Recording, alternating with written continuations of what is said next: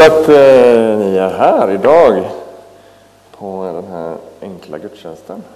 Det var ett superenkelt upplägg idag, så det är liksom avskalat och passar ju settingen också idag. Att få ha bara en enkel stund i tillbedjan.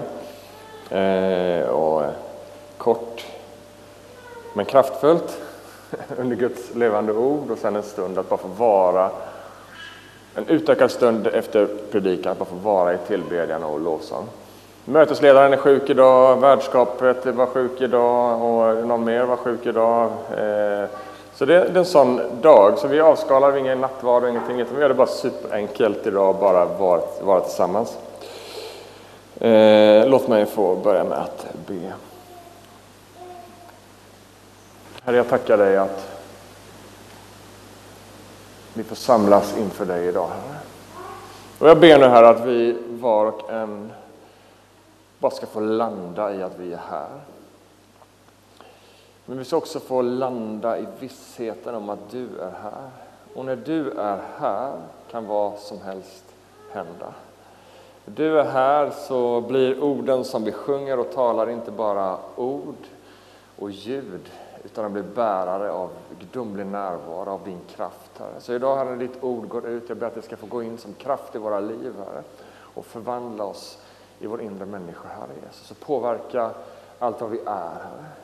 Idag när vi ber för varandra, när vi tillber, jag ber att din heliga Ande bara ska verka i våra liv, Herre. I Jesu namn. Amen. Jag ska läsa ifrån Matteus, några verser, kapitel 3, vers 23 och framåt. Jesus vandrade nu omkring i hela Galileen och undervisade i synagogorna. Och var han än kom predikade han evangeliet om riket och han botade alla slags sjukdomar och plågor bland folket. Ryktet om honom spreds över hela Syrien och man förde till honom alla slags sjuka och plågade, besatta av onda andar, sådana som led av krampanfall eller var förlamade, och han botade dem. Stora folkmassor följde Jesus vart han än gick. Människor från Galileen, ifrån tiostadsområdet, Jerusalem och hela Judeen och från andra sidan Jordan. Idag är du välkommen på en förbönsgudstjänst. Och egentligen så är ju varenda gudstjänst vi har en möjlighet att få förbön därför att vi vill alltid ge utrymme för att be för varandra. Eh, och faktum är ju att varenda gång du möter ett trossyskon, ett syskon i tron, så är det faktiskt en möjlighet att få förbön. Vi kanske inte tänker på det, vi kanske inte utnyttjar den resursen, men varenda gång du möter en annan som tror på Jesus, som delar din tro, så är det faktiskt en möjlighet att få be för den personen. Eller att också, hallå, idag behöver jag förbön, kan du be för mig? Eh, så det finns en oändlig resurs eh, för oss som troende i förbönens makt. Det är så lätt att glömma den potentialen. Men faktum är att Romarbrevet kapitel 8, vers 11 säger att samma ande som verkade i Jesus när han uppstod från de döda är verksam i oss. Det är nästan ibland för stort att ta in. Men det Paulus säger att samma kraft som verkade när Jesus uppstod från de döda, som gav liv åt hans döda kropp, samma ande bor i oss. Jakob, mitt brev. Men Jakob säger i kapitel 5, vers 16 att den rättfärdiges bön har stor kraft och verkan. Du är rättfärdiggjord i Jesus Kristus. Din bön har stor kraft och verkan. Så det här är en sån här söndag vi vill ge lite extra utrymme för möjligheten till förbön, för möjligheten att vara i lovsång och, och tillbedjan. Så det är ingen stress i slutet av vårt möte. Vi liksom har en, en god stund och bara får vara i Guds atmosfär och, och, och liksom lovsjunga honom. Och kanske är det så här att du kommer hit med tvivel idag. Det, är det, det som jag säger nu, det är bara liksom, ja, ja, det låter bra, men jag tror inte riktigt på det då är faktiskt förbönen också en gåva till dig. Därför att när du tvivlar så får du vila i församlingens tro, i någon annans tro för dig. Att trots att du kanske tvivlar så får någon annan lägga händerna på dig och be för dig. Det kom en man till Jesus och Jesus säger, tror du? jag tror, hjälp min otro. Och mannen blev frisk. Och det är lite som liksom, vi får hjälpa varandra i vår otro och vi får liksom be för varandra och Guds kraft verkar. Så idag ska jag tala någonting ganska kort om gudomligt helande. Och Guds ingripande i världen till helande genomgår hela Bibeln. I Gamla testamentet så uppenbarar sig Gud när Israel ska tåga ut ur Egypten som Jahve Rafa, Herren er läkare. Så redan där bekänner han sig tidigt i Gamla testamentet att han är Herren, vår läkare. I evangelierna, som vi har läst ute nu idag från Matteus kapitel 3, men läser vi evangelierna så är det omöjligt att undgå hur Jesus spenderade så mycket tid till att bota de sjuka. Och vi ser hans hjärta som går ut till människor som eh, är sargade och brottas och kämpar med sjukdom. Och sen fortsätter vi apostlagärningarna, den tidiga kyrkan, när kyrkan grundläggs. Och där fortsätter apostlarna att be för sjuka, att bota sjuka.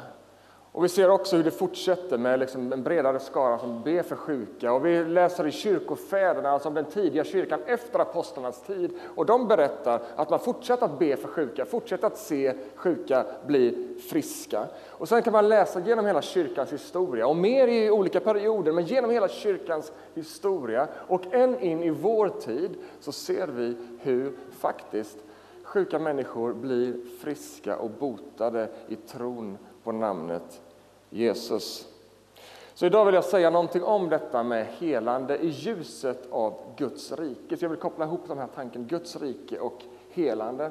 Och sen så vill jag avsluta lite med som jag tycker är viktigt att också säga någonting om när helande uteblir.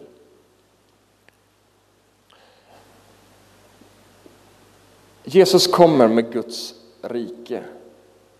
Guds rike som står i kontrast till världen under syndens makt. Det finns en värld under syndens makt. Guds rike står i kontrast till världen under syndens makt. Guds rike, jag menar i världens rike, där regerar människan. Det är människan som sätter sig själv liksom i centrum. Men i Guds rike, det är platsen där Gud regerar. Och Gud regerar i det himmelska. Där regerar han, men med Jesus bryter Guds regerande in i världen igen. Det bryter in i världen igen, men Guds rike tar ännu inte över. Så vi ser massor av liksom icke-Guds rike när vi tittar oss runt. Därför att Guds rike har brutit in, men det har ännu inte tagit över helt. Men det, utbryter, det utbreder sig. Inte i fullhet, men det har börjat. Och när vi läser om Guds rike i Nya testamentet så ser vi att helande är centralt i manifestationen av Guds rike på jorden. Det är som ett tecken på att Guds rike har brutit in, att Guds rike är här. Och vi hörde om Jesus i dagens text, när vi läste Matteus 3, så läste vi att var han än kom så predikade han evangeliet om riket och han botade alla slags sjukdomar och plågor bland folket. Han predikade riket, de goda nyheterna om riket och han botade sjuka. Helande, kan man tänka, varför pratar vi om det? helande tror jag vi talar om alldeles för lite ur det här perspektivet. Därför att helande är inte ett sidospår i Guds rike. Det är inte ett sidospår, det är centralt kopplat till Guds rike. Och faktum är att Guds rike inte bara inkluderar liksom Guds regerande över oss, utan det är också Guds auktoritet. Guds rike innefattar Guds auktoritet över alla makter, över liksom all ondska. Så det är liksom ett upprättande av Guds shalom, av Guds frid. Av liksom, shalom innefattar hälsa, helhet, frihet och frid. Så Guds rike är ett upprättande av Guds shalom. Så vi ser den här kopplingen Guds rike och helande i Jesu liv. Men sen gör Jesus exakt samma koppling mellan Guds rike och helande när han sänder ut sina apostlar. Och då står det i Matteus 10. Han säger till dem att gå ut och tala om för dem att himmelriket är nära. Bota sjuka, väck upp döda, gör spetälska rena och driv ut onda andar. Ge vidare vad ni har fått som gåva. Och sen fortsätter han när han sen sänder ut bredare. Vi läser om när han sänder ut 72 stycken vanliga troende. För nu har vi sett Jesus, nu har vi sett apostlarna. Det är ju en egen kategori på många sätt. Men sen så ser vi när han sänder ut en bredare skara av vanliga lärjungar. Och då säger han så här i Lukas kapitel 10, vers 8. När ni kommer in i en stad där man välkomnar er, så ät vad man bjuder på. Bota de sjuka och säg till folket att Guds rike har kommit nära. Och jag tycker det finns någonting alltså, alltså både väldigt utmanande men också härligt i det här som Jesus säger. Det är en sån självklarhet. När ni kommer in i ett hus, käka upp hamburgaren och ta pommes fritesen och sen kan ni bota de sjuka. Det är liksom, eh, wow! Liksom, eh, ja, det är utmanande men också bara det finns en naturlighet i det Jesus säger till de troende. Jag har lagt ner någonting i er, den kraften som kommer att uppväcka mig, för han är ännu inte uppväckt, men den kraften som finns i mig är verksam i er. Så när ni kommer in, var vanliga människor, var liksom inga andliga ufon, liksom konstiga, utan käka maten, ha det trevligt. Och finns det någon sjuk, så fråga om ni får be för dem, lägga händerna på, er, på dem och, och så, så kommer Gud, ni får se Guds kraft verka.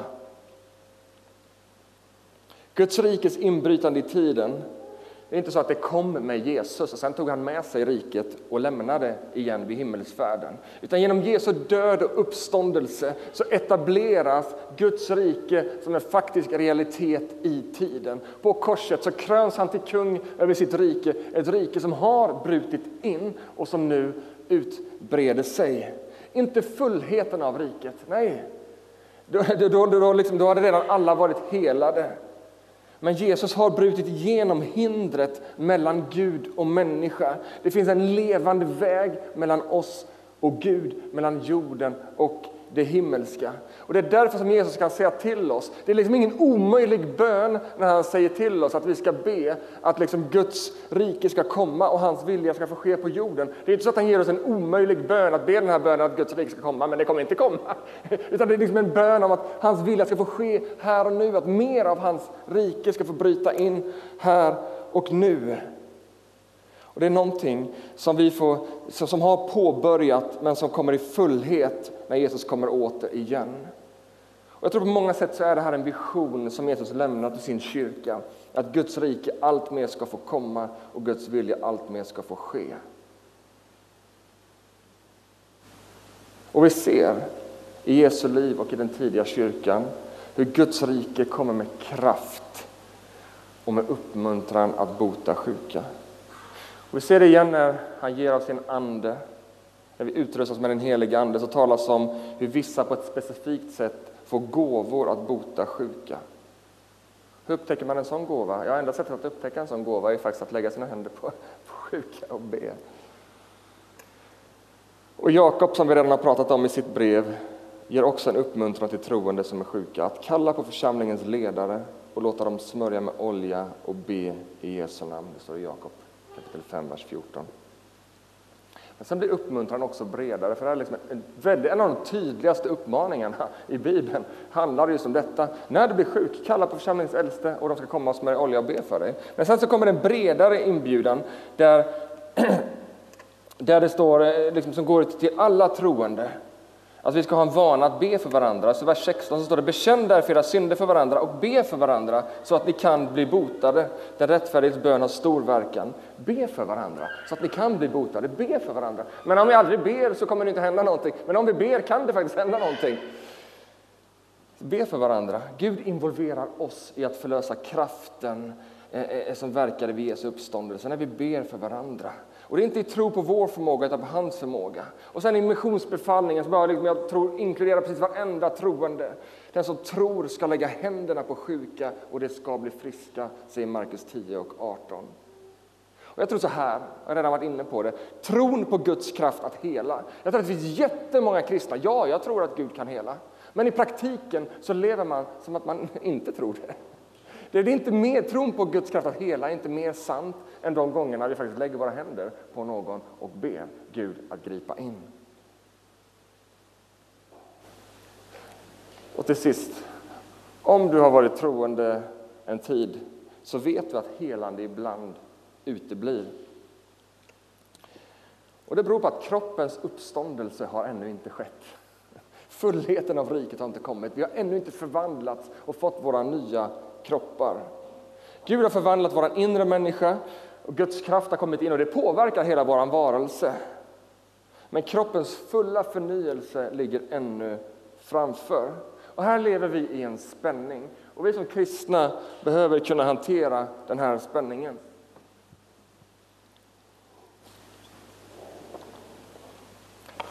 Mellan att Guds rike är redan här, men det har ännu inte kommit i sin fullhet. Och ett par till citat här i slutet av en predika från en teolog som jag hyser enorm respekt för. Han heter Craig Keener och han, han har sagt så här. Vi är inte ännu i riket som ännu ska komma, där alla blir helade. Men i vår tid, när någon blir helad, så är det en gåva till alla eftersom att det påminner oss om riket som ska komma. När vi ser Guds kraft verka, när någon blir helad så är det en gåva till oss alla. Just det, det är verkligt, det är på riktigt. Guds rike har brutit in, men det finns en dag då det här ska bara bredas ut över varenda en som tror. Och sen fortsätter Craig Keener och säger, vi ber att miraklet ska ske, som bara står i Guds makt att utföra. Vi ber också att förvandling ska ske utifrån den förmåga han har gett oss. I båda fall så hjälper vi människor till en försmak av det kommande riket. Där han ska torka alla våra tårar från våra ögon. Där varken sorg, suckan eller död ska finnas. Det finns ett budskap i evangeliet djupare än mirakler. Vi kan inte hänga upp våra liv på mirakler eller att mirakler uteblir. Det finns ett djupare budskap, säger han. Budskapet om korset. På korset visar Gud att även i djupaste tragedi så har Gud fortfarande en plan. Mirakler är en smakprov på vår framtid, ämnade att hålla hoppet levande. Men det djupaste tecknet av hopp det är korset som banar väg för vår uppståndelse. Även om Gud inte gör ett mirakel när vi tycker att han borde och vi behöver det, så vet vi att vår framtid är säkrad. Vad jag vill säga med detta är att vi måste vara ödmjuka. Vi kan inte lova helanden. Det står inte i vår makt. Redan nu, men ännu inte. Vi lever liksom i, det, i det perspektivet och vi lever med bönen att Guds vilja ska få ske allt mer här och nu. Så därför så ska vi också sträcka oss ut, även om vi vet att vi, det, är inte, det är utanför vår makt. Det ligger inte i våra, liksom, vi kan inte styra över det, men ändå så får vi sträcka oss efter det som ligger framför, redan här och nu. Även när, vi, liksom, när till exempel ett helande uteblir, låt oss inte ge upp, utan låt oss fortsätta sträcka oss. Även när vi tycker att saker i världen händer som liksom bara går stick i stäv mot liksom upprättandet av Guds rike, då ska vi inte sluta att be och sträcka och längta efter de sakerna som tillhör himmelriket.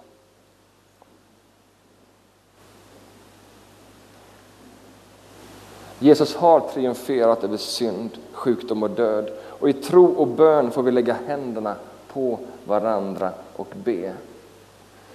Och I min familj, som jag växt upp i, ja även i min familj som jag lever i nu, så har jag fått se Guds helande kraft. Men i min familj som jag vuxit upp i är det väldigt påtagligt och en del av er har hört vittnesbördet av min mamma. Om ni inte gjort det så finns det på vår eh, podd. Man kan gå in och söka på övernaturligt, naturligt övernaturligt tror jag det heter, så delar jag det vittnesbördet. om min mamma som liksom gick från att vara sjukpensionär, eh, handikappanpassat hus och liksom hela faderullan till att bli fullständigt frisk och återställd och läkarna har ingen som helst förklaring. Det omöjliga skedde. Och det präglat mig min, under min uppväxt att få se ett sånt tydligt mirakel ske. Men också i mitt eget liv, det finns någonting med mig när jag döper människor, eh, att det är riskfyllt för mig. Var det nu för något år sedan jag döpte någon här och så skulle jag döka rakt ner i en sten och komma upp helt blodig. En del kanske var med, rann blod. Men det var också för, vi backar tillbaka, kan det vara 15, 20 år sedan kanske till och med, där vi hade en dopförrättning och döpte jättemånga eh, kanske 20 stycken och det var liksom bara fullt party efteråt så alla bara hoppade i och simmade ut på en brygga i vattnet och så stod jag där ute och plötsligt är det någon som puttar till mig och jag får en sån riktig snärt i nacken och jag bara kände shit, det här är inte bra. Och så trillade jag ner i botten dessutom. Eh, det här är inte bra. Och det var inte bra heller, utan jag liksom fick en, en, en, en, liksom en, en, en nackskada eh, och hade värk hela tiden och hade nackkrage ibland och sådär. Och, eh, det blev inte bättre, men så var vi på en tältkampanj på tältmöte på Hisingen. Eh, och då var det en predikant där som var liksom känd för att be för sjuka. Och, eh, och sådär. Så jag hade satt där och hade ingen känsla överhuvudtaget. Hade ingen tro liksom, som jag var, åh, om nu ska jag gå fram så kommer det hända någonting. Men jag kände, jag får väl ge det en chans. Och, och vi skulle åka till Sydafrika för vi skulle bo där ett tag och jag kände, jag vill liksom inte låta resan präglas av den här nackverken hela tiden. Så jag gick fram och liksom hade ingen speciell känsla, ingen speciell förväntan. Men när jag ställer mig där framme så är det liksom som, och de börjar be, så är det som liksom, det bara går en värme genom hela kroppen. Och det är inte så liksom att det bara brände till i nacken, liksom, eller så, så att, utan jag bara kände bara värme strömma genom kroppen. Och från den dagen så upptäckte jag att amen, jag har ju ingen verk kvar i min nacke. Så även i ett sådant läge när liksom man känner att det finns ingen speciell förväntan så, eh, så eh, verkar Gud. En annan ganska rolig sak, jag vet inte om ni har noterat, men jag har hostat väldigt mycket. Jag har haft hosta i två månader tror jag och det blev inte bättre. Och så satt jag och Joel och Pierre och, eh, och, och liksom, jag bara, alltså det här går inte, jag hostar hela tiden. Jag är frisk men jag hostar. Och så ber vi och så säger Pierre, alltså jag, det här är jättekonstigt men jag upplever den helige Ande säga att du är torr i halsen. eh, vilket, ja, jag är torr i halsen. Men på något sätt så blev det en sån här förlösande grej. Och då säger Joel, ja men jag vet när man har problem med det, då behöver man dricka mycket mer vatten för att bygga upp depåerna i kroppen. Och jag går hem och så från den dagen börjar jag dricka massa vatten. Och så märker jag efter två, tre dagar att jag hostar inte längre. Och nu har jag inte hostat en enda gång tror jag, den här predikan. Det är en lite banal grej, men för mig blir det så här Guds humor liksom. Istället för att hela mig på fläcken så säger han, hallå du behöver dricka mer, eh, mer vatten. Eh, så, så Gud verkar på så många olika sätt. Då är det så att du kämpar, det behöver inte bara vara sjukdom, det kan vara andra saker du brottas med, så vill vi be med dig idag. Du, behöver liksom inte, du kanske har jättemycket tro, du kanske liksom inte alls har någon feeling överhuvudtaget. Men kom och låt oss få betjäna dig, låt, låt oss få smörja med olja och be. Eh, och kanske är det så bara att du längtar efter mer av den heliga Ande, eller du liksom, vad det än är, ta tillfället. Nu har vi liksom bara en lång stund här nu av bara lovsång och tillbedjan. Och, eh, så ta tillfället i akt om du vill, så jag kommer finnas där nere vid hörnet där vi brukar ha förbön och, och, och be med dig. Och är det så att du känner att du får en hälsning till någon eller att du vill gå och krama om någon, gör det. Vi liksom har inga sådana konstiga former att det ska vara, utan nu är det bara liksom, eh, familj som tillsammans har en stund inför Guds ansikte. Så eh, lovsångarna välkomna fram. Och eh, vi kan väl ställa oss upp och så är vi i, i, i tillbedjan.